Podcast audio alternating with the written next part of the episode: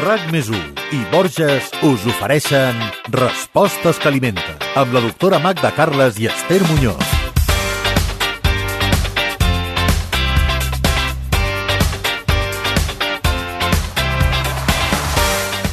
Tot i que fa segles que existeix, avui us volem parlar d'una realitat molt actual. És més habitual en gent jove i especialment en el sexe femení. De fet, és una de les malalties cròniques més freqüents entre adolescents i pot ser molt greu. Ara, en plena operació biquini, és un moment perfecte, pensem, per parlar-ne. La pregunta és, hi ha alguna manera de prevenir l'anorèxia? Es pot tenir anorèxia per estar sempre a dieta? Aquestes dues preguntes i d'altres qüestions es respondran en aquest podcast, avui al 65è, i és que nosaltres aquesta tarda amb la doctora Magda Carles pensem que es tracta d'un dels problemes més greus que tenim i que n'hem de reflexionar sobre ell.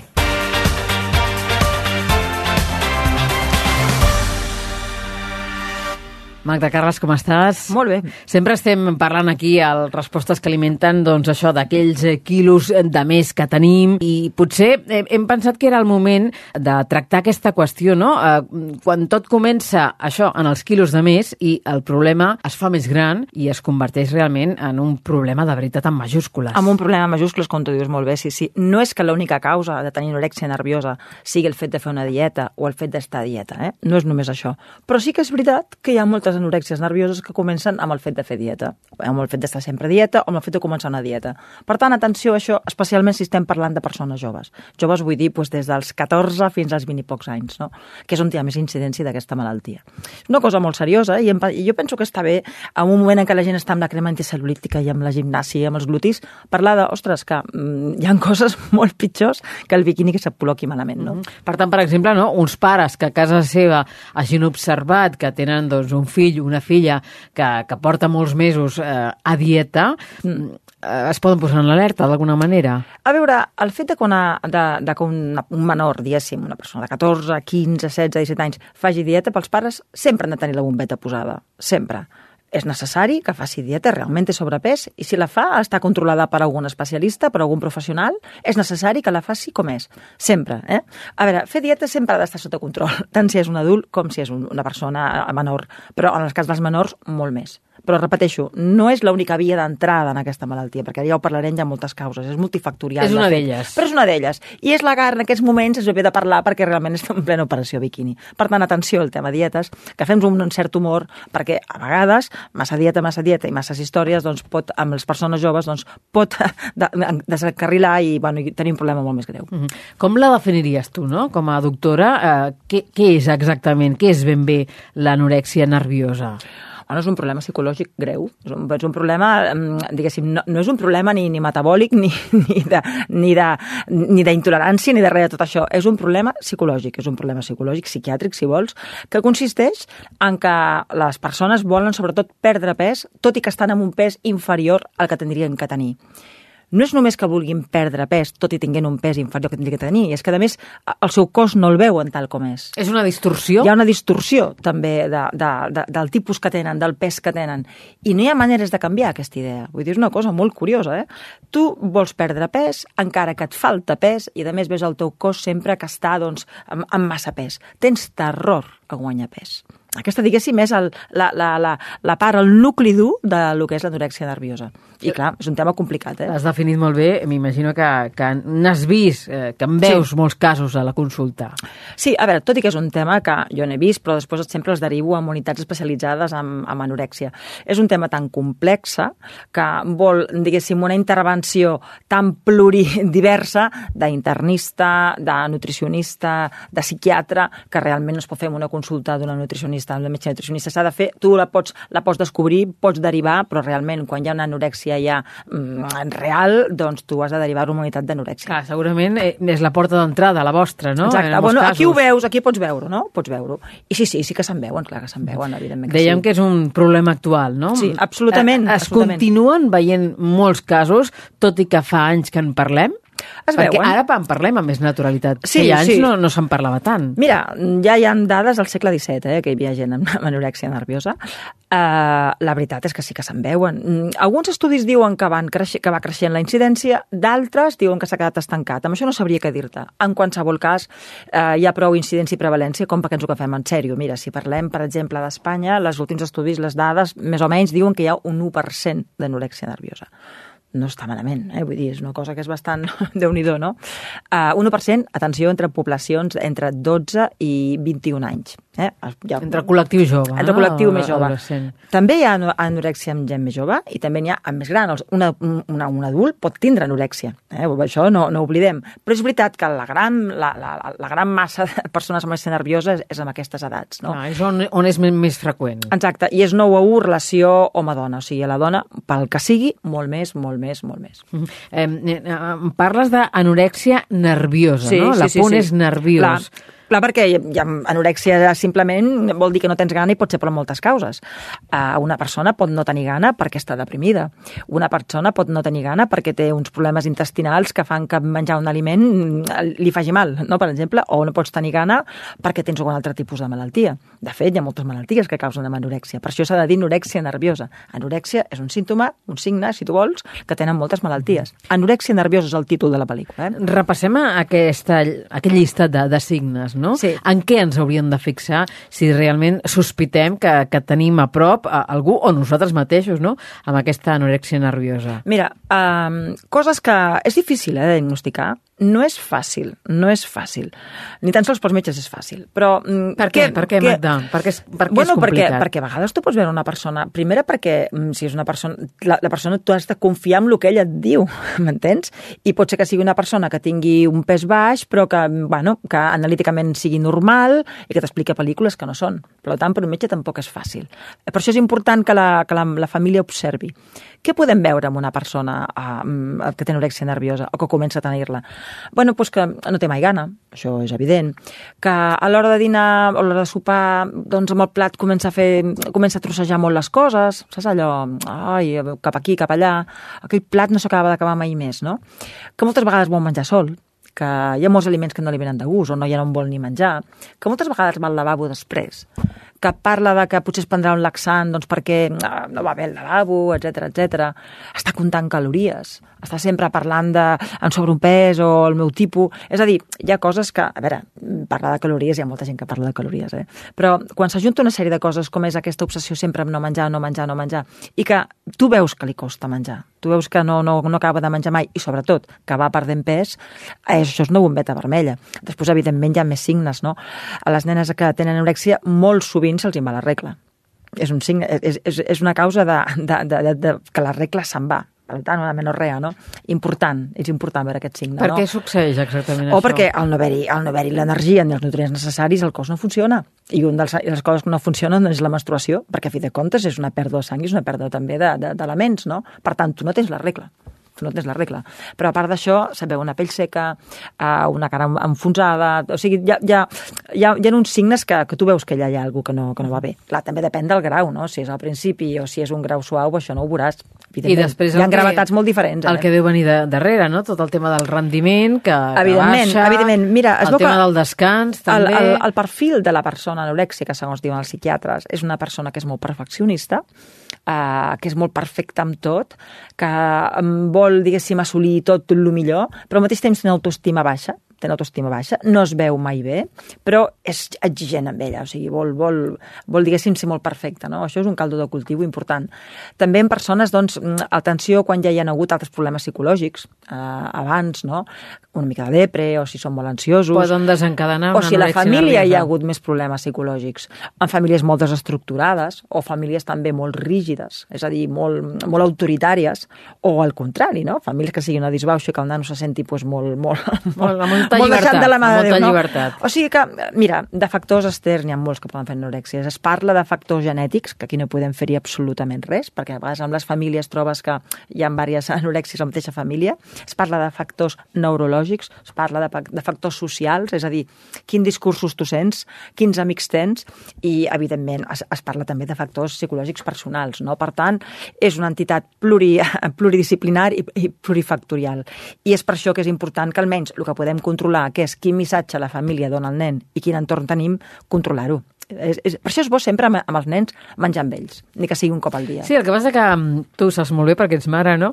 Sí. No és fàcil, jo també No, ho sé, no? no, Els horaris no, laborals, no. les rutines... No. Potser quan som més petits sí que hi som, però quan es van fent grans també es donen aquesta llibertat, no?, que mm, potser has de confiar en ells, no?, i no estàs tan atent, no?, sobretot a, a l'hora de dinar, clar, a l'hora hi, de ha, sopar. hi ha sí. una edat que es comencen a escapar, no? A partir de, de 13-14 anys ja... Però tot i això és bo, ni que sigui el sopar, menjar tots junts. Pa, parlar del menjar i, a més, mm, que t'expliquin què mengen i, sobretot, a l'hora del menjar, de veritat, encara que eh, no siguin potser tot el prims que ens agradaria o que, de veritat, eh, el tema del, de les calories, del pes i això, anar molt de compte. Si tenim una filla, per exemple, que és una mica rodona, pel que sigui, és un tema que s'ha de, que de tractar amb una subtilesa extraordinària. Val? I, i sobretot a contemplar com li afecta amb ella, perquè hi ha nenes que tenen sobrepès i els importa quatre pitos, però en general sempre és un tema, i més avui en dia, no? amb totes les influencers, amb les xarxes socials, amb tota la pressió que hi ha del cos de la dona, que sempre a les petites i a les grans. Doncs és normal que un adolescent doncs això li importi Clar, i clar, se clar, senti malament. Perquè reben molts inputs en aquesta molts, direcció. molts, moltíssims, masses, jo diria. I no, no estan formats com, com, com No. ho està un adult. Tu pensem que si el fet de que et diguin gorda ja afecta amb una persona gran, imagina que pot ser un adolescent. Ni que sigui en brometa.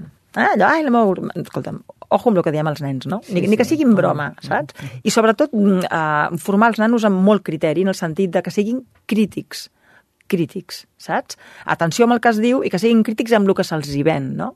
Eh, que vegin que el que surt a les xarxes i tal, que moltes vegades està super distorsionat, filtrat, tonejat... Que sàpiguen distingir entre la Clar. realitat i la ficció. Exacte, i sobretot que tinguin l'autoestima alta els, i que tinguin valors ells mateixos. No tot és el pes que fas ni la figura que tens perquè al final les persones són moltes coses, no és només la figura que puguis sí, tenir, sí, no? És un matxaque que els has de fer, no?, perquè, per donar-los fortalesa.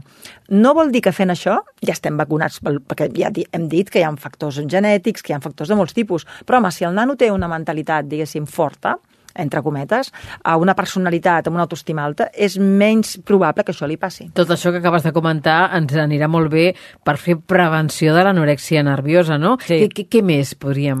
Mira, ara, per exemple, fer? estem a èpoques de biquinis, no? I èpoques de trajes de bany. Doncs imaginem que tenim una adolescent a casa que està super eh, atabalada perquè, ostres, les seves amigues, que això passa, eh? Són com fideus totes i ella, pel que sigui, doncs igual ha tingut la menarquia abans, igual és més colona i, ostres, a mi el biquini no, no em queda bé. O per genètica, per o per genètica, clar, o per genètica, és més baixet i tal. Atenció, fem el possible per ressaltar virtuts seves, per dir lo guapíssima que és per altres coses. No, no parlem, o sigui, no, no, no donem cap més importància. En tot cas, li podem dir, escolta'm, doncs està bé fer aquest exercici, està bé, però sense fanatisme amb l'exercici, perquè et diré una cosa, molt sovint les persones anorèxiques fan exercici en plan fanàtic. O Obsessiu, quan, obsessiu. obsessiu. Obsessiu. Per tant, l'exercici, eh, amb els nens tenim que promulgar un exercici que sigui eh, apassible per divertir-nos, per passar-ho bé, per fer salut, però no competitiu, no per aconseguir no sé què. I sobretot ja també hi ha un tema d'acceptació, que també jo crec que és, és, ajuda, no? Cada un té el cos que té. Sempre el podrem millorar, però hi ha coses que no les podrem canviar. I està bé que sigui així, no passa res. O sigui, l'acceptació del cos d'un mateix, mm, en, en termes generals, et dona molta fortalesa també, perquè eh, les qualitats de les persones són, estan en moltes capes, no? I per tant no tot depèn de l'envoltori que tinguis. Mhm. Magda, em- vull eh, preguntar-te per la dieta que haurien de fer els adolescents per evitar aquesta anorèxia, però abans, com que hem parlat del problema, eh, també m'agradaria que ens comentessis què, què es fa no, per resoldre una, una anorèxia, no? quan el problema ja hi Sí. és. Em, realment, aquestes situacions eh, s'acaben resolent. Sí, amb un gran tant per cent dels casos, sí, sí, sí. sí Com sí. es fa? Com es fa? Grans eh, trets, eh? Cada cas serà un món. Tant l'assistència primària com els grans hospitals hi ha unitats preparades per, per, amb, amb equips multidisciplinars, ja et dic, que hi ha l'internista, que hi ha el psiquiatre, que hi ha el psicòleg, que hi ha la nutricionista, etc etc, perquè és que a vegades són persones que inclús s'han d'hospitalitzar O sigui, I a vegades la curació és molt, molt lenta. Però jo diria que d'un 50 o un 80% la gent es cura. Vull dir que s'ha de ser optimista també. Tot depèn de lo aviat que s'agafi el problema i de la consciència que tingui aquella persona de que té un problema. A vegades el problema està que la persona aquella no vol, no, no vol saber que té un problema. Però si s'agafa aviat, és a dir, es veu aviat, es, es diagnostica aviat i la persona és conscient de que té un problema i vol col·laborar, les coses es curen i es passen. Ara, no és d'avui per demà, eh? No és com prendre un antibiòtic i ja estem i una setmaneta. No. Cal temps. No, cal temps, cal paciència, cal que la família també hi ajudi, que el seu entorn sigui la dient, cal posar-hi paciència, perquè la meva experiència o sigui, és una cosa que és lenta és lenta.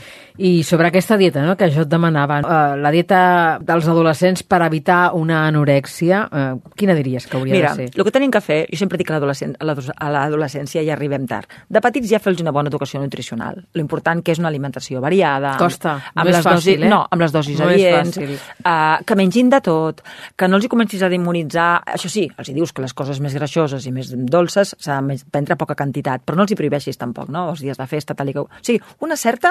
Una, no tinc màniga ampla, però treure ferro l'assumpte, no agafant la dieta com si fos una cosa de vida o mort, un pacte de sang. Terrible. S'ha de tenir una relació amable amb el menjar. El menjar és una cosa que ens nodreix, que ens fa disfrutar, que ens fa parlar entre familiars, que ens fa celebrar. És aquesta relació amb el menjar. El menjar no és el nostre enemic, no és el nostre enemic, és el contrari. Al revés. És el nostre amic, però és el nostre amic, és un amic amb el qual mano jo, això sí. és amic mano jo. Jo sóc el meu metge, d'alguna manera, eh? Jo sóc qui dic quan i com i què val? però el menjar és el meu amic, sense cap dubte és el meu amic. I aquesta relació positiva el, és bo que li passem. No és un comptar calories constant, no és dir que això et farà mal, que... no, una mica de sentit comú, tu has d'educar, però també has de fer disfrutar i has de parlar del bo que és el menjar. I si ho fem així, el nano tindrà un missatge més positiu. I si hi ha problemes de pes, doncs ho farem tranquil·lament i ho farem tinguem bons hàbits i fem més exercici i potser tinguem, més capricis, però no serà cap drama. Eh? I això jo crec que treure a fer l'assumpte és molt important. Sí, també és veritat que és, és una edat, és una etapa de la vida, no? que, que, que no és algo nou, que nosaltres també hem passat per aquí, no? I, I que tant. quan et fas gran, doncs sí. eh, totes aquestes idees canvien. I tant. No, i més, Afortunadament. Passa una cosa, i és que l'adolescència, no sé si recordes, Esther, que ens queda una mica lluny ja, doncs que hi ha una etapa que estàs com rara de tipus, no? Les mans llargues, l'altre estret, el cul gros, l'altre... O sigui, estàs com... Tot va una mica distònic. I els, i els nois iguals. Distònic, també, els nois sí. iguals. I no et veus bé. I és normal que aquestes coses, doncs, t'afectin.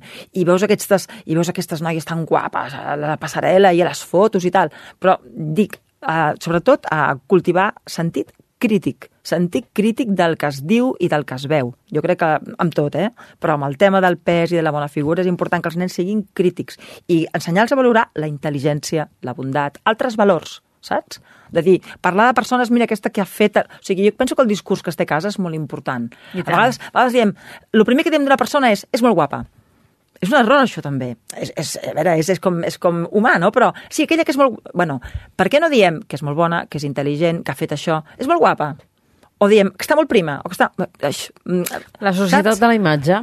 Exactament, no? Sempre el primer impacte, no? Pues jo crec que si tens adolescents has d'anar en compte quins missatges dones, no? Mm. Parlar d'altres valors de les persones i sobretot a potenciar amb els adolescents que tinguis a casa el que tenen de bo especialment si tenen sobrepès, el que tenen de bo, saps? Ara que parles de, del sobrepès, un adolescent amb sobrepès tindria hipotèticament més perill d'acabar amb una anorèxia Sí, nerviosa sí. o qualsevol altre trastorn sí. del comportament alimentari? Sí, sí, sí, sí, perquè clar, com que ells són conscients que els hi sobrepès, doncs és més fàcil que, que passi un problema d'aquests. És per això que un adolescent amb sobrepès o amb obesitat, de fet, hi ha un tant per cent notable d'obesos que tenen problemes d'anorèxia nerviosa, eh?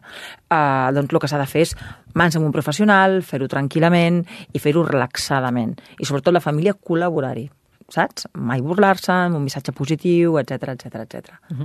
Arribats a aquest punt, eh, sempre et demano un suggeriment, un caprici, no sé com ho podem vehicular avui, què t'agradaria recomanar, Magda, mira, a, a nivell gastronòmic? A mi m'agradaria recomanar per aquests adolescents que a vegades tenen tantes manies, no? que ai, no em posis això, no em posis l'altre, no em posis... Mira, ara se m'ocorreix una cosa. Uh, una manera que tenim d'educar els adolescents, però també uh, a, a iniciar-los amb el plaer de, de menjar bé, és, saps que sempre una de les coses que sempre diem que no van bé és la bolleria empaquetada, per exemple, no? Doncs per un adolescent li pot anar molt bé que el, el, que, és, el que són les madalenes, el, el pa de pessic, es faci a casa Aquesta, aquesta és una molt bona idea. Per Tot què? natural. Sí, per què? Perquè tu li pots dir, mira, he posat menys sucre, he posat l'oli que toca, eh, és una cosa que et nodreix, que té nutrients, que te'n podràs prendre... És molt millor que si ho compres empaquetat, però a més fixa quin bon gust que té, no? L'ultraprocessat, fora. Exacte. Començar a juntar en l'adolescent, ja amb els, amb els aliments que li donem, la salut amb el plaer. De manera que ell no vegi el menjar algú, algú dolç així com un càstig bíblic, però que ell en pot menjar però perquè és saludable, perquè l'he fet millor. Sempre en, en termes positius.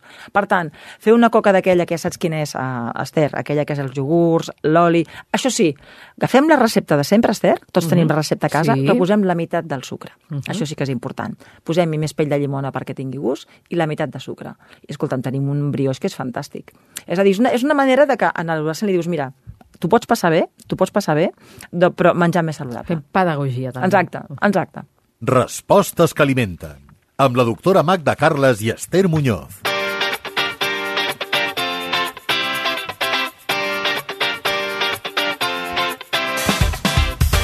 Avui als Respostes que alimenten hem decidit tractar un tema que és un tema seriós, però que pensàvem que tocava fer-ho. I Magda, doncs arribats a aquest punt, quatre recomanacions que vulguis fer, quatre reflexions sobre aquest tema que hem tractat avui, no? Si hi ha una dieta per prevenir també l'anorèxia nerviosa. Mira, jo avui el que seria bo no oblidar és que l'anorèxia nerviosa és un trastorn de comportament alimentari molt seriós, que amb certa població dels 14 als 21 anys és quasi un 1%, vull dir que, que déu-n'hi-do, que l'origen és multifactorial, però que atenció, que a vegades ve a partir de fer una dieta, sobretot si aquestes persones tenen sobrepès o tenen obesitat, que és molt freqüent, la, la, la part de població més freqüent és dels 14 als 21 anys, molt més amb dones, i que mm, realment una forma de prevenir-ho és educar a la gent jove a casa amb l'alimentació equilibrada, variada, sense restriccions, i sobretot el fomentar uns valors que vagin més enllà de l'imatge i del pes. Això és importantíssim. I, per suposat, que sempre hi hagi una bona comunicació amb l'adolescent i el pare i els pares és fonamental, perquè molts problemes d'aquests es poden detectar si hi ha una bona comunicació, però si no hi és, és molt més complexa. Un respostes que alimenten avui per reflexionar. Magda, ens veiem d'aquí 15 dies. Dedicarem el podcast a un aliment. Fantàstic. Ens trobem en 15 dies. Que vagi bé. Adéu-siau. Adéu. RAC més 1 i Borges us han ofert Respostes que alimenten amb la doctora Magda Carles i Esther Muñoz.